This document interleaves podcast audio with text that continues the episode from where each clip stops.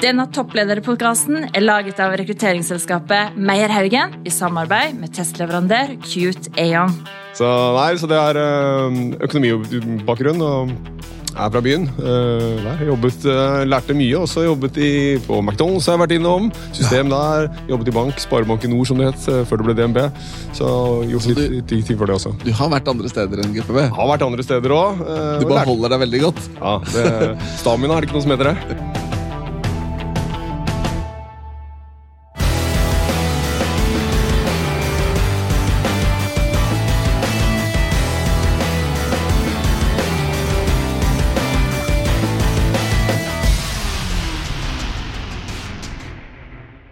Ja, Sverre. I dag er vi så heldige at vi har en veldig spennende gjest med oss i studio. Ja, det har vi. Og han eh, jobber med en tematikk som også er veldig spennende, syns jeg. da. Ja, og Vi har hatt flere podkaster som går på dette med liksom framtidens arbeidsmarked og framtidens arbeidsplass. Så dette her er jo veldig passende å ha med deg, Jannik Krohn Falk. Du er da CEO i Great Place to Work. Velkommen. Tusen takk. tusen takk. Ja, eh, hva har du drevet med i livet, da? Ja, det er et godt spørsmål. Det er uh, Egentlig dette her er jo mye av livet mitt. Egentlig handlet om å jobbe med kultur og skape gode arbeidsplasser.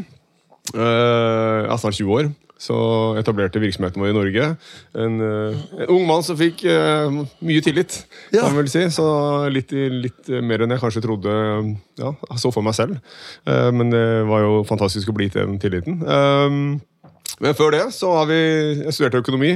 Så da er vi inne i renteoppganger og det som er inne nå, det var det jeg studerte. Og eh, makroøkonomi, rentepolitikk og Norges Bank, det var det jeg trodde, var det jeg, trodde jeg skulle. Shout-out til Norges Bank. Yay! Så, nei, så det er eh, økonomibakgrunn og er fra byen. eh, så det er vel liksom den der. Jobbet, eh, lærte mye, også jobbet i, på McDonald's har jeg vært innom. System der. Jobbet i bank, Sparebanken Nord som det het, eh, før det ble DNB. Så gjort Altså, litt, ting for det også. Du har vært andre steder enn GPB. Har vært andre steder òg. Du bare holder deg veldig godt. Ja, det, Stamina er det ikke noe som heter det. Ja, for, det, for det jeg skulle spørre var, ikke sant, Man snakker jo nå i dag disse tider snakker man om digital natives. Folk som liksom er født inn i det digitale. Jeg trodde et øyeblikk at du hadde liksom gått rett inn i en lederjobb med en gang. Gjorde du det, eller? Ja, Etter studiet så gjorde jeg egentlig det. Altså, da, da er det egentlig sånn Du er native leder, du, da. Du, ja, du kan si det. Så, så det, jeg ble jo leder for meg selv. Eh, så det var det første. Men ellers så, så har det vært det for, for virksomheten vår i Norge. Så var det eh, ja, første, første ordentlige jobben, hvis vi kan si det sånn. Du vet jo at Selvledelse det, det er mye lettere å lede andre enn å lede seg sjøl. Ja, det, det, det er jeg helt enig i. For man vet jo hva som er riktig, Ja. men man har ikke lyst til å gjøre det selv. Man har lyst til at andre skal gjøre det. Ja, det var ikke bare lett, det. altså. Som nyutdannet. eh, Jeg jobbet egentlig før jeg begynte å studere. Eh, Jeg hadde et par år der, men eh, etter det så Det var litt krevende, men det var liksom bare å brette opp armene. Det var bare meg, så det var, gjorde jeg ikke noe, så skjedde det ikke noe. Så det var veldig målbart. da. Du holdt ut, da. Tydeligvis. Ja, det holdt ut, og det var Hva si, det har vært ganske mange ups and downs, for å si det forsiktig. Men, hvis vi skulle blitt litt bedre kjent med deg, og eh, hvis jeg hadde truffet deg i en sosial sammenheng og tenkt at du, eh, Jannik, eh, hva mener du om Og så treffer jeg på helt klokkerent på favorittemaet ditt. Noe du kan prate om på inn- og utpust en hel kveld og dag og natt. Hva skulle det vært? Og det ikke skulle vært jobb. For den Ikke er, ja, den er litt vanskelig. Ja, For det er jo veldig fort eh, en sånn bra linje at jeg jobber med å forandre verden. Det går uansett. Eh, Men ellers, så, hvis det ikke er det, så er det mm, mye altså, fritidsinteresser som er viktig. eh, Friluftsliv.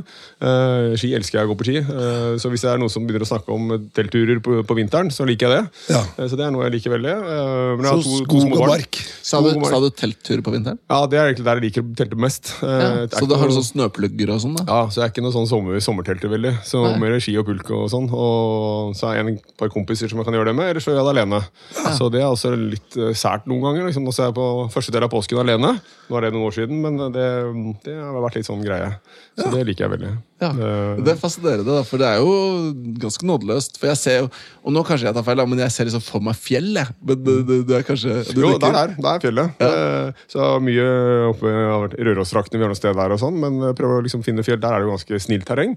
Men, men også liksom Hardangervidda, den type, som er, elsker det. Men jeg må, jeg må si da, fordi jeg hadde tippet at du skulle si noe annet på det med interesser. Og, da, og nå skal jeg faktisk få svar på noe som jeg har lurt på en stund. Som jeg aldri har snakket med deg om. For jeg har, men jeg, for jeg har nemlig fulgt deg på, om det er på Instagram eller en eller annen sosial mediekanal. Mm. Og så syns jeg du legger ut mye bilder av briller. Ja. Hva er det? Er det en interesse, eller er det noen eierinteresser? Eller Ja, det, er, det er mer enn interesse. så Det er et brilleselskap som heter Frank Walton, som jeg er styreleder i. Ok, Eh, så også på investeringssiden. Så vi kan si en passion også for om det er fashion. vet ikke om jeg skal kalle det det, Men det er eh, også en måte å lære på. Passion for fashion. Ja. Så, så det har vært eh, viktig for meg i forhold til altså, læring. Å komme inn i en hel bransje som jeg ikke hadde noe forhold til i det hele tatt. Så jeg lærer masse. Så jeg sitter som styreleder der, og det er kjempe, kjempeinteressant. Bra, men Vi har altså disse tre kjappe, Sverre. Ja, og på slutten av dette lille opptaket så skal vi altså, Jannik, deg, stille deg tre kjappe spørsmål som du skal få lov til å svare på. Det første er hva er ditt beste tips for work-life balance? Eh, det er jo viktige ting. Ja. Eh, og nummer to det er eh, kanskje relatert til selvledelse, som var viktig, som vi snakket om i stad. Og det er strategi når du skal ta vanskelige valg. Om du har noen tips på hvordan du tenker da. Og så til slutt så har vi lyst til å snakke litt om faget ditt. Eh, og da vil vi gjerne ha et tips til ledere som ønsker å bygge god kultur. Det gjør jo de aller fleste. Hva er ditt beste tips, om du klarer å oppsummere? da? I noe Ja, prøv på det. ja, ja. Nei, så ta meg det. Så La det sure gå litt. Og dere som uh, lytter, kan også tenke på hva ville dere svart hvis dere var i Janniks uh, sko eller deres egne sko. Men vi tenkte jo bare prate litt mer om dette med Great Place to Work. Uh, det er en organisasjon som mange har hørt om, men hva er det egentlig dere gjør? Uh... det er egentlig tre ting. Eh, og det er jo noe som der hvor mange har hørt om oss, eh, det er jo den sertifiseringen av gode arbeidsplasser. Eh, og at folk vet at for kvalitetsstempel. Vi er en global organisasjon. eh, En global metode for eh, sertifisering av gode virksomheter. Eh, Så det er det mange som kjenner til. Det blir synlig. Eh, Og da går man gjennom en prosess. Eh, Så det er det mange som kjenner til, både i rekruttering, når man skal søke jobb, eller hva det skal være. Bygge kultur internt. Eh, Det andre handler jo mye om kartlegging og analyser om hvordan virksomhetskulturen er. Hvordan er ledelsen i organisasjonen. Type medarbeiderundersøkelser, jobbe med, med organisasjonsmålinger. Og så er det på en måte forlengelsen av det, så blir det mer rådgivning, consulting, på nettopp det å hjelpe virksomheter å implementere og få forutsetningene på plass for å skape den kulturen de ønsker. Men hvem er typiske kunder hos dere, da? Hva, hva er liksom business caset deres? Eh, kunder, det er eh, jeg vil si nesten alle typer. Altså. Det er små og store. Eh, det er vel sånn fra deres størrelse. Den minste kunden vår er vel 11-12 ansatte, eh, til den største som er 40 000, globalt selskap. Eh, offentlig, privat, masse frivillig sektor, eh, ideell sektor. Så, så det er veldig stor variasjon. Og kundene kommer til oss av etter deres behov. Så noen ønsker en enklere prosess med sertifisering, som er ikke det mest krevende. Og noen sier vi vet ikke helt hvor vi skal starte. Kan vi få liksom, hvor, hvor står vi? Hvordan ser det ut hos oss i forhold til andre? Uh, og kan dere på følge oss på veien et stykke? Uh, Dere, dere sitter jo da eller du eller dere sitter jo da med masse innsikt om hvordan folk har det på jobb ulike steder. Ja. I små og store organisasjoner.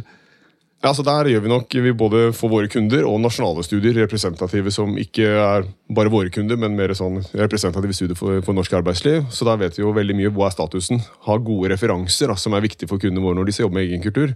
Er dette bra, eller er det ikke bra? Eh, fordi vi har jo samme metode som vi bruker hos alle. Ja. Men hvis det, hvis det for eksempel er en bedrift som sier at de skal egentlig bare ha en sånn home run, da, ikke sant? vi skal bare få det her stamp of approval, great place to work, de skal de bruke i markedsføringen sin. Litt sånn à la sånn uh, green, greenwashing, da, ikke sant? Sportsvasking. Eh, men, men, og så gjør den en undersøkelse, og stinker, så stinker det, liksom. Det er helt katastrofe. Eh, hva skjer da? Eh, nei, Det er jo én av to. Det ene er at de sier eh, vi slutter å samarbeide. Vi vil ikke gjøre den målingen en gang til. Eh, putter den i skuffen og ikke bruker den til noe. Og det andre er jo heldigvis er flertallet. Eh, det er jo hva gjør vi nå? Eh, og da går de tilbake til ledelse. Eh, hvor er forankringen? Hvem har tok initiativ? Jo, toppleder ser her, burde vi, her må vi gjøre noe. Eh, og hva gjør vi? Enten bruker de oss i prosess videre, eller så gjør de det selv, eller så finner de hjelp av noen andre. Så det er litt For, avhengig av for dere, gjør, dere kan gjøre både analysen, selvfølgelig, men også hjelpe de hvis de, hvis de sliter. Det er liksom et sånn bilverksted. Finner du rust på bilen din, så kan dere hjelpe deg å fjerne rusten. liksom. Ja, og, Men det er jo ikke alt vi kan, og vi vet hva vi kan. Og det vi ikke kan, det, da sender vi det videre. for å si det sånn. Så, så det er, Vi er på en måte, vi er for, for eksempel ikke altså, jurister, arbeidskonflikter, den type, på et sånt nivå. Der er ikke vi i det hele tatt. Uh, så det er mange ting vi også ikke gjør. Men det som er, vi har vår kjerne i forhold til måte, lederutvikling, kulturfokuset. Ja.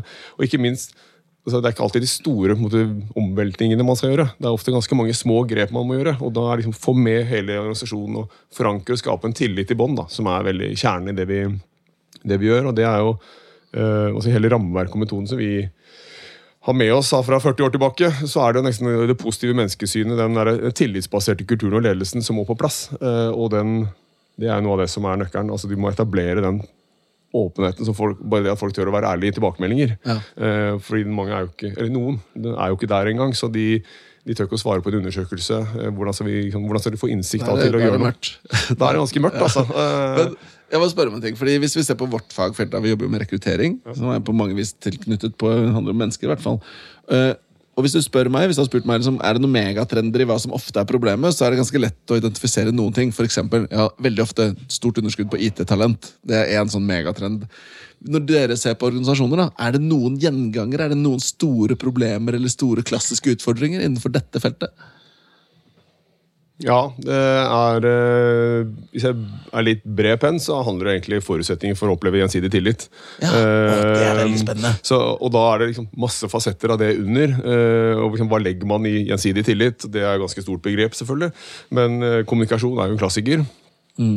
og da altså fra et Vi får ikke informasjon om det som er viktig. Eh, sitter jeg som medarbeider, og så sitter ledelsen, kanskje spesielt også toppledelsen, ja, vi informerer jo hele tiden. Vi informerer om ditt, kanskje vi informerer for mye.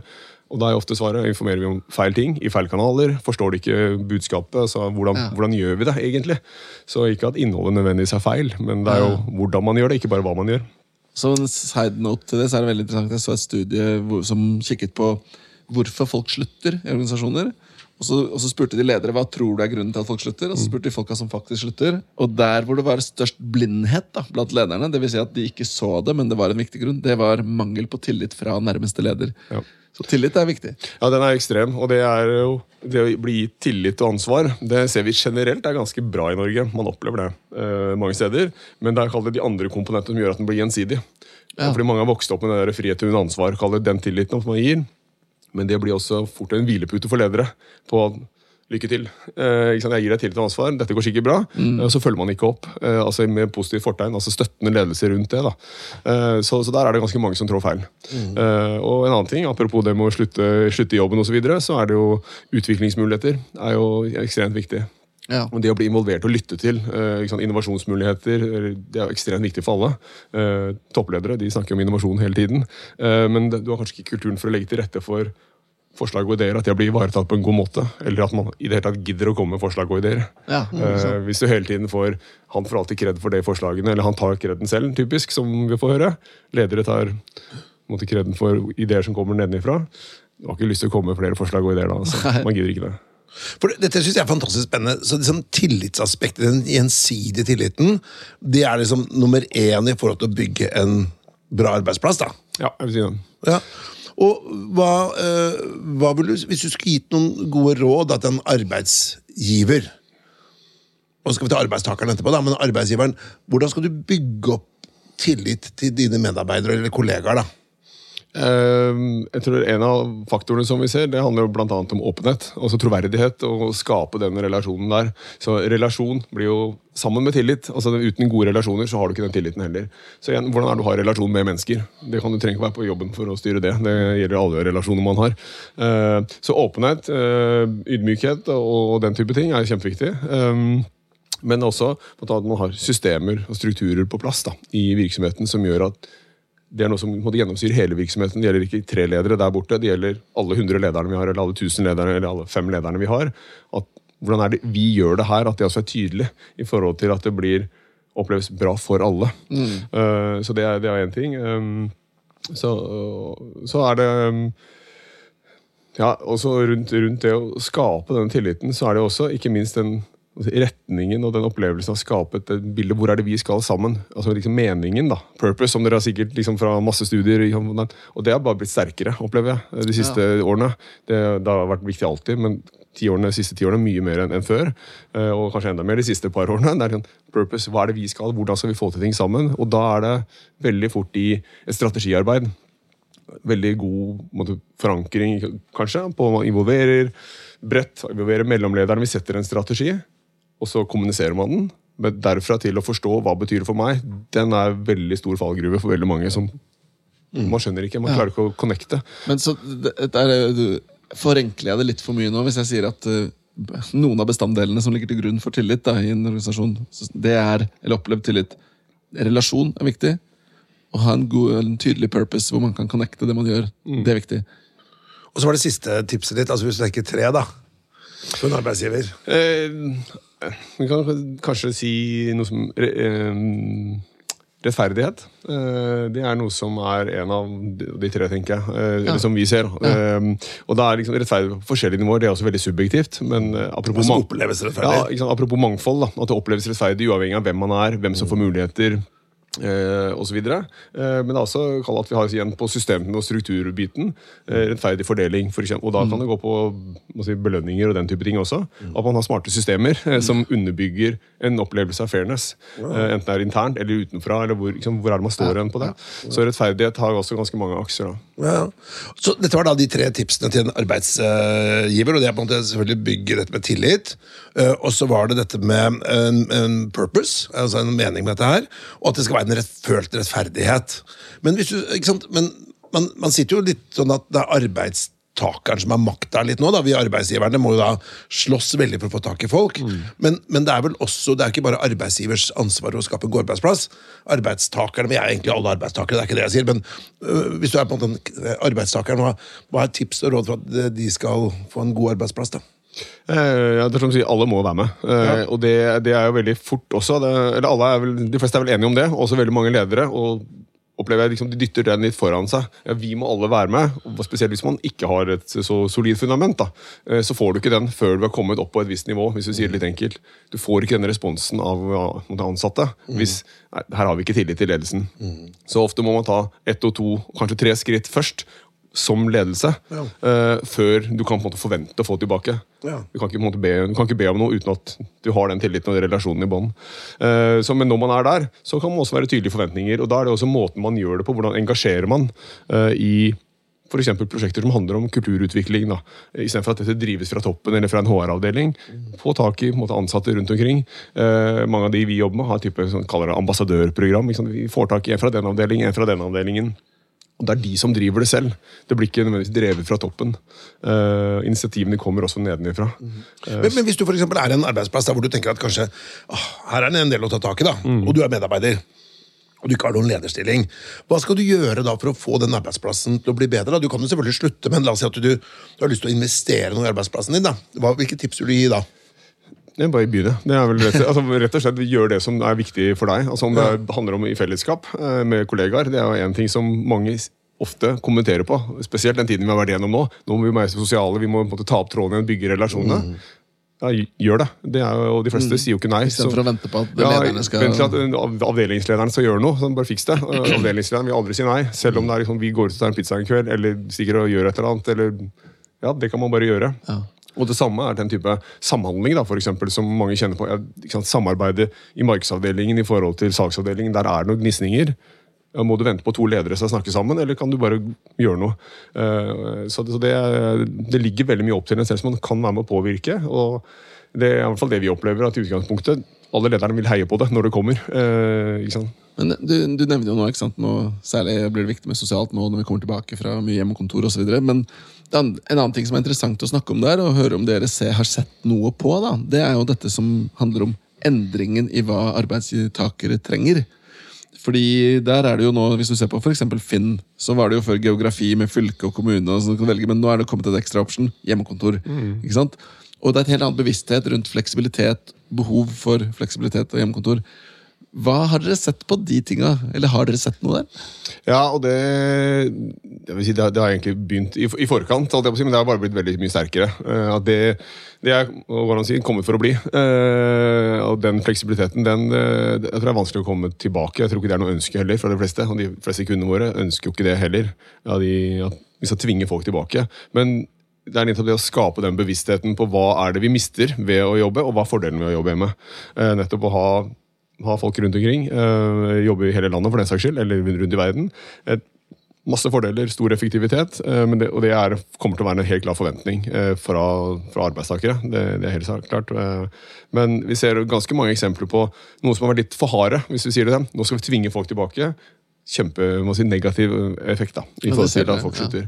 Um, Men det er jo en utfordring òg, fordi samtidig nå er jo vi arbeidsgivere også. ikke? Så, så nevner du i stad? En av bestanddelene for tillit er relasjon. God relasjon. Mye vanskeligere å bygge relasjoner digitalt. Ja. Så du vil jo helst at folk skal komme inn.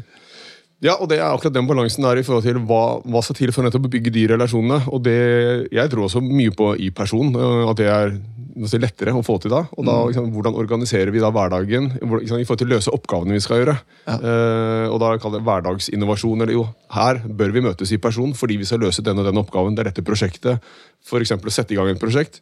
Det er mange kunder også som jobber prosjektbasert. Er sånn, Oppstarten det må være fysisk. Eh, og så kjenner vi hverandre, bygger relasjoner i prosjektet x et par møter. Og så kan vi jobbe mye mer digitalt etter det. For da har vi måte, bygget den relasjonen i, i forkant. Og liksom være bevisst på igjen, hvordan er det vi jobber i hverdagen. Uh, men det er jo masse som vi ser, kall det samhandlingen, da, som man går glipp av ved å bare sitte digitalt. Eh, og da er det igjen, hvordan skaper man de arenaene og det, ikke bare det å ha lyst til å komme på kontoret, for det, eller, eller hvilken arbeidsplass man har. For det, det skal være sosialt og hyggelig. Eh, For det ser mange også eksempler på. At noen da som er mye hjemme, kommer inn, men de har et veldig sosialt behov å snakke. Eh, Men de som sitter der, de, ofte, de har jo ikke det samme behovet. Så det blir jo heller en forstyrrende element. Eh, For da kommer det en kollega inn, og nå skal jeg snakke med teamet, fordi jeg har ikke sett dem på lenge. Eh, Mens de andre er jo vant til å sitte sammen. Så mm. Men hvis vi da skal se sånn trender da, ikke sant? En ting er nå, nå har det jo vært veldig spesielt nå de siste årene av pandemien. Men hvis du skulle tegnet et bilde av altså, en god arbeidsplass for ti år siden, og i dag, og om ti år, hva slags trender er det vi ser her da? Eh, eh, I det ene så er det jo egentlig at fundamentet i forhold til det vi snakker om tillit, eh, rettferdighet, altså respekt og alt dette, det er måte subjektivt og være ganske konstant. Det er det samme som vi, vi fant i vår forskning for 40 år siden, og det har utviklet seg, men basicen ligger der. Og det er det jo veldig mye annen forskning som understøtter det samme. Det ligger i bånn. Eh, Så det er mer hvordan er det forventningene utvikles i forhold til det. Eh, For meg som arbeidstaker, hva er min forventning til kommunikasjon f.eks.? Fleksibilitet. Og den øker eh, på, på mange ting. Eh, Transparenthet, den blir ikke noe mindre. Fleksibilitet, den type som, som du sier der. Men ja, vi må lykkes med kjernen i bunnen likevel. Og det er veldig interessant sånn som vi jobber da, med også på tvers av mange forskjellige kulturer mange land. Så når de ser til Norge, eller kommer folk fra andre kulturer til Norge, så er det wow, dette var jo veldig overveldende og veldig langt foran det de kanskje Der de tenkte at der er kanskje vårt land om 10 år eller 20 år. Men Men da, liksom, hvordan møter man forventningene til de som er her, de som kommer? Eh, Så, så jeg tror fremtiden Vi må lykkes med, med det, og det er nesten helt umulig å si måte, hvilke komponenter er det som må, si, må på, på plass. da. Men jeg har et spørsmål, for jeg må fange opp noe du sa der som jeg synes er veldig interessant. Du nevner det at sant, det, eh, arbeidstakerne stiller, de har større forventninger til fleksibilitet, til åpenhet, til transparenthet. Er det noen områder hvor de har lavere krav enn de hadde før? Lavere forventninger? Eller er det stort sett bare at de blir mer krevende hele veien? Nei, ja, det er, er et godt spørsmål. Og jeg vet ikke om de blir mer krevende, men det er sånn altså Når man er vant til noe, ja. så er det hva er neste skrittet? Og det, eh, men eh, det, apropos liksom covid og den tiden vi har vært inne i nå, så så vi jo forventningene ble skrudd veldig. eh, Fra egentlig fra mars, da, eh, når covid kom, så ble jo forventningene til hva skal arbeidsgiver gjøre nå, den ble jo skrudd ganske mye ned eh, fra mange. Ja, bare de ser meg, bare de tar kontakt med meg osv., så, videre, så er det kjempebra. Eh, for nå sitter man hjemme, og man kunne få skjermer hjem eller den type. Det ble jo da opplever vi at forventningene ble skrudd ganske ned. Da var liksom Dugnadsånden og alle tro til, og det var bra. Eh, kom vi noen måneder frem, utpå høsten, så ble det sånn Nei, Dette er jo den nye hverdagen. Uh, nå, er liksom, nå forventer vi tilbake. Da skrur vi til på en måte forventningene igjen på ledelse, kommunikasjon og hva man forventer av samhandling i teamet. På en ny digital måte også. Uh, så nei, jeg vet ikke om jeg skal si forventningene blir høyere og høyere. og vi, liksom, Det er ikke om å gjøre at vi som kultur i vår virksomhet eller som ledere må, må øke listen hele tiden. Det er ikke det det nødvendigvis handler om. Det er men å tilpasse, gjøre ting på nye måter eh, som er relevante. For det er altså noe vi ser veldig mange virksomheter har kaller, praksiser som er blir sånn utdatert. Ja. Uh, og det liksom, ja, da, Vi trenger ikke å bruke mer penger eller mer tid, vi må bare slutte med det, og så må vi gjøre noe annet som treffer forventningene. Men da kommer det nok til forventning. Da. Forventning til å endre hvordan man gjør ting. Ja, altså, Det er noen eksempler liksom, der vi står nå med miljø, for eksempel, Ja. og, og mening. Vi må, vi må bidra som virksomhet som vi gjør noe på miljøsiden. Bærekraft og Ja, mangfold veldig, og sånt. Men, men jeg bare bet meg merke når du sa dette med kulturforskjeller. da. Hvis du tenker sånn Den klassiske, i hvert fall norske eller kanskje til og med skandinaviske lederstilen, det er på en måte øh, lave eller få sånne hierarkiske ledd, øh, stor grad av sånn empowerment, at, som- at man, du får veldig mye sånn makt ned i organisasjonen. Det er, det er mange ting som som, det er høy grad av tillit, øh, øh, kanskje større grad av purpose, for du er mer kobla på. Er, vil du si at liksom, den norske eller skandinaviske lederstilen passer der hvor liksom, verden går? Jeg vil se i hvert fall, eh, og jeg nesten si det norske, og jeg er ikke så sikker på om jeg vil si den skandinaviske. for Det er en veldig forskjell på Norge og Sverige, blant annet. Ja, ja. Eh, Men, men jeg, jeg ser det er ganske mange, og det ser vi også kollegaene våre for eksempel i USA, eh, og forskermiljøer der. Det er mye som ser til Skandinavia. Ja. Apropos den måte, flatere strukturen. Og, og, Høy tillit. Så, og det, så det er det ganske mange som ser. Så det er også der vi kommer fra. Sant? Silicon Valley for 40 år siden. Det var jo ikke i nærheten av det som var gjengs, det vi var opptatt av da. Eh, Så vi ser det. altså Ganske mye altså, harde, harde selskaper, hvis vi kan bruke den type kultur, som, som er de ser at dette lønner seg, eh, og forskningen er veldig tydelig på det. Og da er liksom, ja, Hvorfor gjør vi det ikke? Og det er, om det er Google eller den type selskaper. De er, tenker denne veien. Ja. Eh, så de leder jo også litt an. da. Um, men det er, det er ganske mye som si, er i den makrotrenden. altså Den Ja, ja. bølgen med uh, tillit og effekten det har, da, den type kultur, er, den surfer måte, mange etter, etter den skandinaviske ja. norske. da. Mm. Tenkte skulle, dette er jo en topplederpodkast, og du er jo øverst i din organisasjon og toppleder sånn sett. Uh, hvordan er det å være toppleder, da? Det er eh, både eh, gøy og utfordrende, jeg vil si det. Så det er, eh, jeg syns jo det er ekstremt givende. og det er liksom så mange massefasettert av mange aspekter. Så det er vel sånn, Alle har en sjef, så det, det har jeg også. Men, men det er, det er nettopp det å både liksom menneskebiten og liksom hvor vi skal ens virksomhet, og, og ikke minst den purposen som vi har. Vi skal jo skape et bedre verden gjennom gode arbeidsplasser for alle. Og den, ja, det sitter så inni hjertet å liksom få den Uh, liksom få hele teamet med på det hele tiden. Da. Det, det, det gir ekstremt mye. Hva, hva, hva tenker du er eh, de vanskeligste tingene da, med, med å sitte i en sånn rolle? Eh, nei, jeg tror kanskje det er det jeg kjenner på, som mange av kundene våre. Det er liksom Man har et bilde av hvor man skal, og, og hvordan, hvilke grep man vil ta for å komme dit. eh, og få, få alle med på det, eh, rett og slett. Og tenke ja, nå har jeg informert om dette, nå har jeg kommunisert om det. Er alle med? Ja, nå er, det er det vel, eh, men alle er jo ikke med. Alle er forskjellige, og man tar til seg informasjon forskjellig. Forstår hva betyr det for meg. Eh, Liksom, og Det er litt den, på en måte, håndverket, da, hvis vi kan bruke det, i, i lederskapet. Eh, og sånn er det om det er leder for ledere, eller leder for måte, de som man ikke har noen ledere under seg. Så, så er det, det er et håndverk som må gjøres, og det, det er kanskje noe av det som er litt Så går på med Altså, man- man løper forankring litt, og så Ja. buy-ins. Ja, for man løper litt fort, ikke sant? Mm. Og det er liksom, liksom ta beslutninger, og så gjør vi sånn. og så En ting er de store linjene, men så er det også mindre ting som ja, men Da tar vi en beslutning på det, det fordi vi ser hele bildet. Men hvordan det påvirker den enkelte i hverdagen, er jo Det, krever jo mer, da. Og det vet vi jo. Og så har du et veldig stort informasjonsforsprang, for det tenker jeg som en lederskap generelt. at du, Man er jo i ledermøter strategisk, man prater med styret. man- liksom, Du, du, du, du fugler ut en, en plan, da, og så skal du implementere den og iverksette den. og Da har du egentlig jobbet med det såpass lenge at nå begynner du å få litt dårlig tid, til og med. Og så tar du på et allmøte eller sender ut en mail, og sånn skal vi gjøre det. Og tenker, «Oi, dette, du har hatt kanskje mange måneder og de har bare ti sekunder på det. Og det er en klassisk bommert. da, som jeg tror veldig mange og kanskje spesielt gründere, da. De dummer seg ut som ledere der, for de har ofte en veldig drive and power og er veldig sånn invested i butikken. da. Og så har du en gjeng som er rundt deg som Jo, det er en bra arbeidsplass, men de sitter kanskje ikke på noen eierandel. De er ikke interessert i å jobbe døgnet rundt for, for din bedrift. da. Så, så den der eh, fra, fra hva skal vi si, eh, startup til scaleup, det er jo mange bomurter der, da. Ja, det er helt riktig. Jeg nevnte å se den klassikeren som du sier nå. Det er ja. ekstremt lett. og det er igjen da, liksom, Hvordan er det man forankrer underveis? Hvordan har man det i strategiprosesser, for eksempel, da, som, som du er inne på der? Uh, og ikke minst liksom, være åpen, og der kommer liksom transparentheten. Det er vel det er veldig lite som er farlig for organisasjonen å vite om. hvis du sier sånn Apropos åpenhet. Eh, Så det er tenker jeg, noe er det ekstremt viktig som toppleder. å tenke at det er det er, ikke, det er veldig lite som er farlig, ass, som man kan dele. eh, nesten over en lav sko. Og så er det noe med timing, selvfølgelig. Men jeg kan kanskje ikke dele i dag, for det er noe rekkefølge på en presse. eller et eller annet sånt, Men ok, del det så fort du kan. Eh, de kjenner organisasjonen godt, og de vet hva som rører seg. Så da få det ut eh, informasjonen i en kontekst, f.eks. for eksempel, altså raskt som mulig. Ja. og det, hvis det er spørsmål, så må man også være tilgjengelig. Og det er kanskje, eh, apropos den eh, lederrollen, og det, det føler jeg er noe av det som er motiverende også i dette å være leder. Å være altså, tilgjengelig og liksom, i den læringen og interaksjonen med hver enkelt eh, på, og i, i vårt kontor. da. Ja, uansett om man er leder eller ikke leder. eller hva det er. For jeg tror kanskje Det er kanskje en av de store utfordringene for å være leder. Man har en veldig sånn vilje til å få til noe, og så syns man ting går litt treigt. Ikke sant?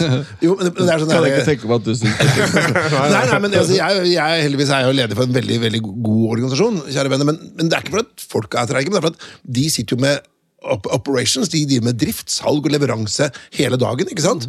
Og ledelsen skal jo jobbe med strategi, da. Så det er det, er sånn det gamle ordtaket at skal du gå fort, så går du alene, og skal du gå langt, så går du sammen med noen. Og det er vel noe av tankegangen i forhold til forankring, da. Det er veldig. Eh, og det er jo igjen hele hva, både hva jeg tror på og vi tror på, så er det jo at vi skal gjøre ting sammen. Eh, og det er sammen vi presterer. Eh, og da må du også ha rammeverk og systemer som understøtter det. Apropos liksom, struktur og hvordan man rigger seg. Og det er, så det er kjempeviktig.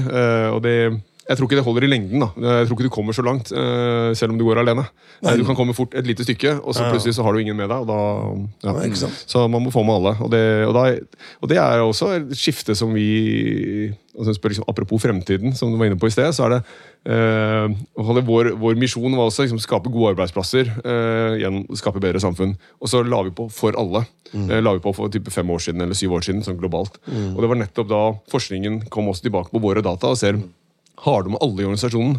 Har du alle med på reisen, så får du ekstremt mye mer, si, bedre avkastning, bedre, altså lavere turnover, eh, bedre omsetningsvekst osv. Men hvordan skal man få med alle i en organisasjon, da?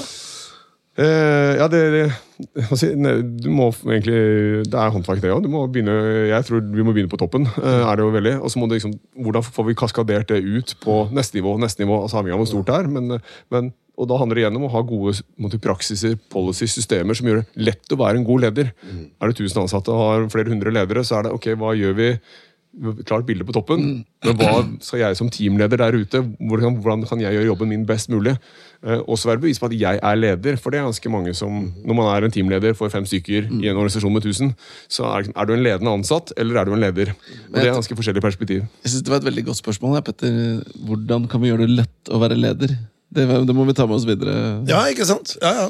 Men jeg tenker at vi skulle gå litt på dette med psykologibiten, eh, eller personlighet, mener jeg. Sverre. Psy psykoanalyse. Ja, det glemte du kanskje å si i forkant. Var det det jeg ble invitert til? Ok. Vi skal snakke om traumer. Da. Ja, wow. Du, eh, personlighet. Vi, vi jobber jo mye med å teste folk og, og lese av personlighet for å se på om vi har forstått dem rett, og om de er potensielle energilekkasjer til et jobb osv. Eh, og så har vi en testleverandør som vi bruker, som heter Aon, som har hjulpet oss med å identifisere noen personlighetstrekk som de mener ofte toppledere har.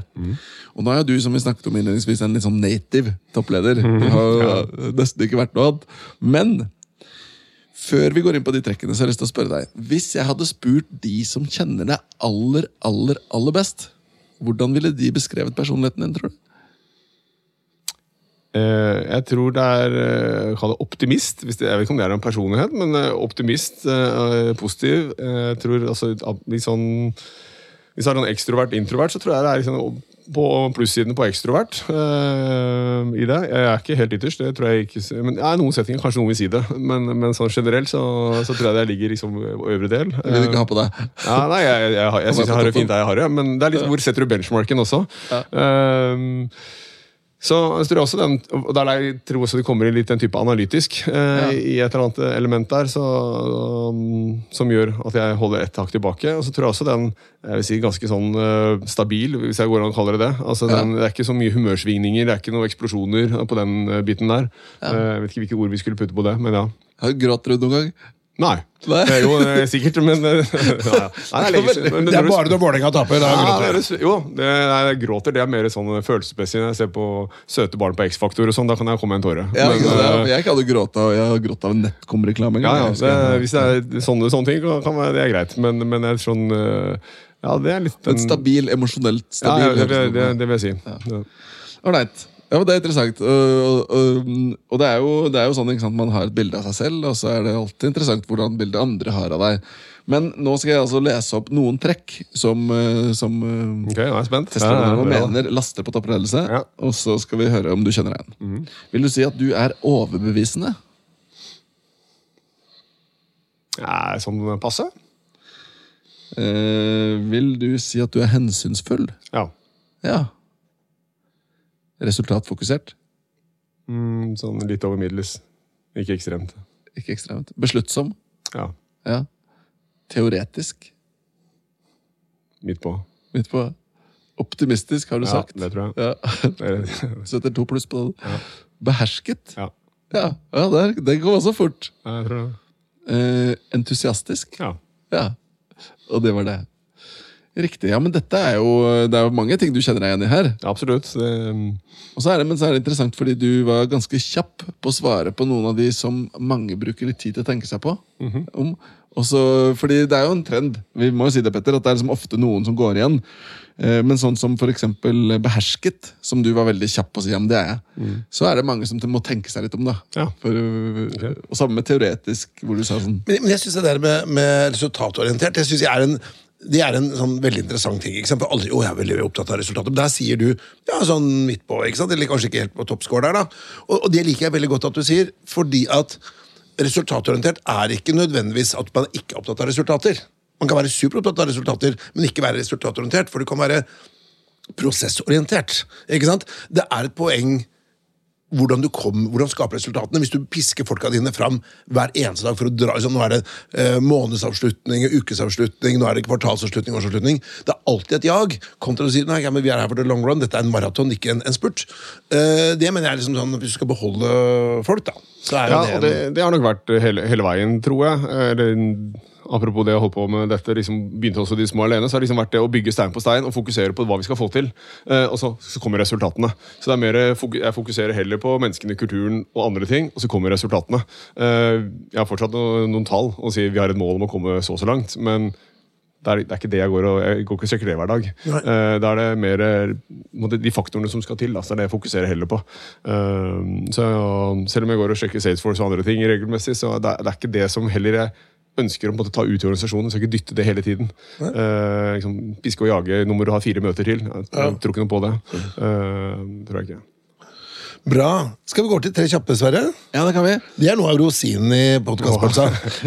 Rosin. Tre rosiner i podkastpølsa på slutten. Eh, første spørsmål eh, som vi introduserte deg for i starten. Nå har du Nå har jeg nesten glemt det, vet du, så det, nå får jeg ta det. Ja, Jeg trodde du hadde tenkt på det. hele tiden. Ja, ja, ja. Wow. Nei. Hva er ditt beste tips for å klare å ha en god work-life balance? Ehm, ja, det er jo så subjektivt, men eh, altså, for egen del så er det nesten det å få ja, jeg lever, Kalenderen er livet mitt, hvis jeg sier det sånn, så det er nesten å få blokket ut. Eh, og om det er timer eller uh, ta en morgen og si da gjør jeg noe annet, og, og da det er jo fordel også av og til med å ha den rollen man har, at man kan styre kalenderen også mer kanskje enn eh, hvis man ikke har en toppleder. toppleder. Det er ikke min erfaring. for jeg- Når kalenderen din er uh, åpent for alle, så er det, så er det mange som booker deg inn. da. Ja, ja, men det er akkurat. Men, men kanskje er det liksom Kanskje er det nettopp derfor dette er et godt tips. da At man må vite at som leder, du også, Petter, ikke sant? du kan blokke av den morgen, formiddagen, morgenen. Ja, ja. Og da må du holde deg litt hellig. da Fordi Hvis jeg ikke gjør det, så blir jeg booka. Ja. Eh, Da, og det, det booker jeg meg selv. Så hvis jeg sier ok, de fire timene på, frem til lunsj istedenfor, og det er jo veldig sjelden jeg gjør det, da, men det kunne skje at ok, men da skulle jeg ta en skitur om morgenen. Og da sier jeg at jeg er borte til elleve. Men jeg må booke det type tre uker i forveien. Ja, ja, ja. Eh, ikke sant? Jeg kan ikke si i målsøret, for da er kalenderen full allerede. Men, så det er litt sånn bevissthet på det. Uh, men det er liksom få den i hverdagen. da. Uh, og så er jeg heldig å ha to små barn, så det hjelper jo sånn sett også. Og så lenge man er engasjert i de, så blir det altså en slags balanse koblet av når de er på skitrening. Så går jeg en egen tur eller et eller annet sånt. Så, så det er jo en, hjelp. Jeg kan ikke si det er et råd å få barn, eller ha barn, det kan jeg ikke, men, men det funker for meg. Du får ikke noe mindre å gjøre hvis du får barn. Nei, man-. Men man får andre ting. Så det er liksom, Og så er liksom, alt må ikke være perfekt hele tiden. Men det, men det er jo ofte liksom, jeg, vil jo si at For min del så er det vel så mye at barna kan være med på å skape den eh, problemstillingen på work-life balance. Fordi du, ikke sant, du sitter med mobiltelefonen og jobber ting hele tiden. Også når du er sammen med dem. ikke sant? Ja, og det, det kjenner de på. Det er sikkert mye forskning også som peker på hvor, hva de opplever når man gjør det. Så, altså det, det prøver jeg å være liksom veldig til stede med. Legge det på telefonen og sånn bort. Men, men jeg tror um, Men ja, nei, det er noe med um, Kanskje det også, Alt må ikke være perfekt hele tiden. Og alt må ikke gjøres i dag. Så det er altså, sånn, Apropos leveranser til kunder. eh, I begynnelsen så var det sånn ja, du får det i morgen. Det sa jeg alltid. Altså, hvorfor sier jeg det? Kan jeg ikke spørre når er du trenger det? Eh, det er ganske stor forskjell på den type, i hvert fall når jeg er operativ, med, med kun tilbud og den type prosesser som jeg er i. og sånn, så er det sånn Nei, du kan få komme etter påske. Yes, da kjører jeg det etter påske. Eh, Jeg gjør ikke det i morgen, da. Eh, Så lenge da har vi gjensidig forventning. Eh, Så Ja, smart. Eh, hva med valg, da? Det var det neste spørsmålet. Hva er din strategi for å ta valg når det er vanskelig? Eh, egentlig kanskje to ting. Det ene er uh, is i magen, hvis man kan si noe. Ikke, eh, hvis jeg, hvis, så lenge jeg har tid. Hvis jeg ikke må ta en beslutning der og da, hvis det er vanskelig. og det er liksom da er det i hvert fall sove på det. Eh, ikke ta ut den spontant. Uh, så det er det ene. Og det andre er jo å snakke med folk som jeg har tillit til. Ja. og, og i min situasjon så er det jo veldig ofte partnerne. på, vi er fem partnere. og snakke med én eller flere av de. Så det er vel den man, man trenger ikke å stå alene, selv om man har den rollen man har. Nei, nei. Uh, så selv om ting er bearbeidet, og, eller, eller kollegaer i ledergruppa Uh, Vi har, vi har et par, par lederkollegaer som også er fine sparringspartnere, hvis det er den type ting. Ja. Så bra. Da har vi ett spørsmål igjen. Så er du av kroken på de Wow. tre kjappe. Okay. Uh, og da skal vi ta kunnskapen oppi knollen din skal vi koke ned som en kraft til en sånn konsentrert base. Mhm. Ett tips, det beste tipset du har for ledere for å hjelpe dem å bygge en god kultur, hva bør de gjøre da? Eh, det som jeg syns funker best for Ja, det jeg tror, og jeg ser mange, det er å være, ha hyppige jeg kaller det én-til-én. Tette relasjoner med, med ansatte. Det gjelder enten å også toppleder med nærmeste ledergruppa di, eller er du en teamleder, snakke med teamet ditt. Mm. Jeg snakker med alle som jeg er leder for hver måned. Jeg Har en halvtimes prat, og det har gjort også enda hyppigere i begynnelsen av covid. Men sånn, vi gjør det på Teams eller i person. Vi kan variere, vi kan gå en tur, vi kan gjøre hva som helst. Men Eh, og bare tydelig på hensikten. da. Eh, nettopp, For da blir du nære. Du får liksom pulsen på teamet eller de du er nære. Eh, men også liksom, ulike temaer. Det kan være mer personlige ting, det kan være mer utviklingstanker. Ja, jeg ser for meg en lederrolle om noen år. Ja, ok, Da må vi tenke det. Jeg har noen issues på hjemmebane. Sånn. Hvis folk har den tilliten, så opplever jeg at de er veldig åpne. Men da kan du ikke ha den samtalen to ganger i året. Ah. Så, så det er ikke kaffemaskinpraten. Uh, for den har man også. Ikke sant? Det er den type, ikke sant? Og Vi snakker sammen på Teams hele tiden. eller hva det skal være. Og det er jo, opplever jeg mange som bruker som en unnskyldning. Da. Ja, Vi snakker jo sammen hele tiden, så vi trenger jo ikke den arenaen i tillegg. Men når du har satt av en halvtime på en, til en prat, så kommer det veldig mye mer ut av det, syns jeg. Så investering av tid, da. Ja. En one on one hvor temaet er relasjon og tillit dere imellom. Det er en gang i måneden. Det er et godt tips. Ja, jeg synes det var kjempebra. Eh, siste her, ikke sant? Eh, Du da leder Great Place to Work, og jeg tipper at den arbeidsplassen du leder, dere er sikkert Great Place to Work, da. Ja, vi må jo prøve så godt vi kan. Det er noe som heter skomakerens barn osv. Men eh, vi har i hvert fall et synlig bevis på at vi har fått det til noen ganger. Så vi gjør jo dette internt globalt. og vi, vi var vel nummer én og to eh, blant 60 land som vi er internt i både 19 og 20. Altså, så GPV Norge var liksom én Ja, og to? så ja. vårt norske kontor da, Så vi har vært der er oppe. bra, men eh, vi har også hatt våre utfordringer gjennom korona, og sånn, så jeg tror ikke vi er helt der nå. Men, men eh, vi, vi er fortsatt bra, da. Eh, Så, men det er vel eh, i, i min bok, men man har alltid ambisjoner på å være helt perfekt eh, i dette. Du, jeg må si, Det var utrolig spennende å høre, høre på deg. Dette med tillit og purpose og, og sånn. Det synes jeg liksom, det er kjempeinspirerende da, i forhold til både vår egen organisasjon, men også når vi prater med kunder og kandidater eh, i vårt virke. da. Og så tenker jeg også at Det er jo også i forhold til private relasjoner. da, ikke sant? Det, går, det er jo akkurat det samme. Eh, Det å ha tillit, og, og at man har et felles prosjekt, eh, og at man utvikler seg. Det er en del sånne ja, det er ting som man virkelig kan ta med seg. Litt sånn life hacks. da. Eh, Men Jannik, tusen takk for at du var med i denne podkasten. Her. Og lykke til videre med den viktige jobben du gjør. Så kanskje vi skal melde oss på til The Great Place to Work, Sverre? Det kan godt hende drømme om det, altså. Ja, Spørs om det tør. Nei. Kjempefint. Tusen hjertelig takk. Takk. Har du innspill eller kommentarer til denne podkasten, kan du sende en e-post til toppleder at meierhaugen.no.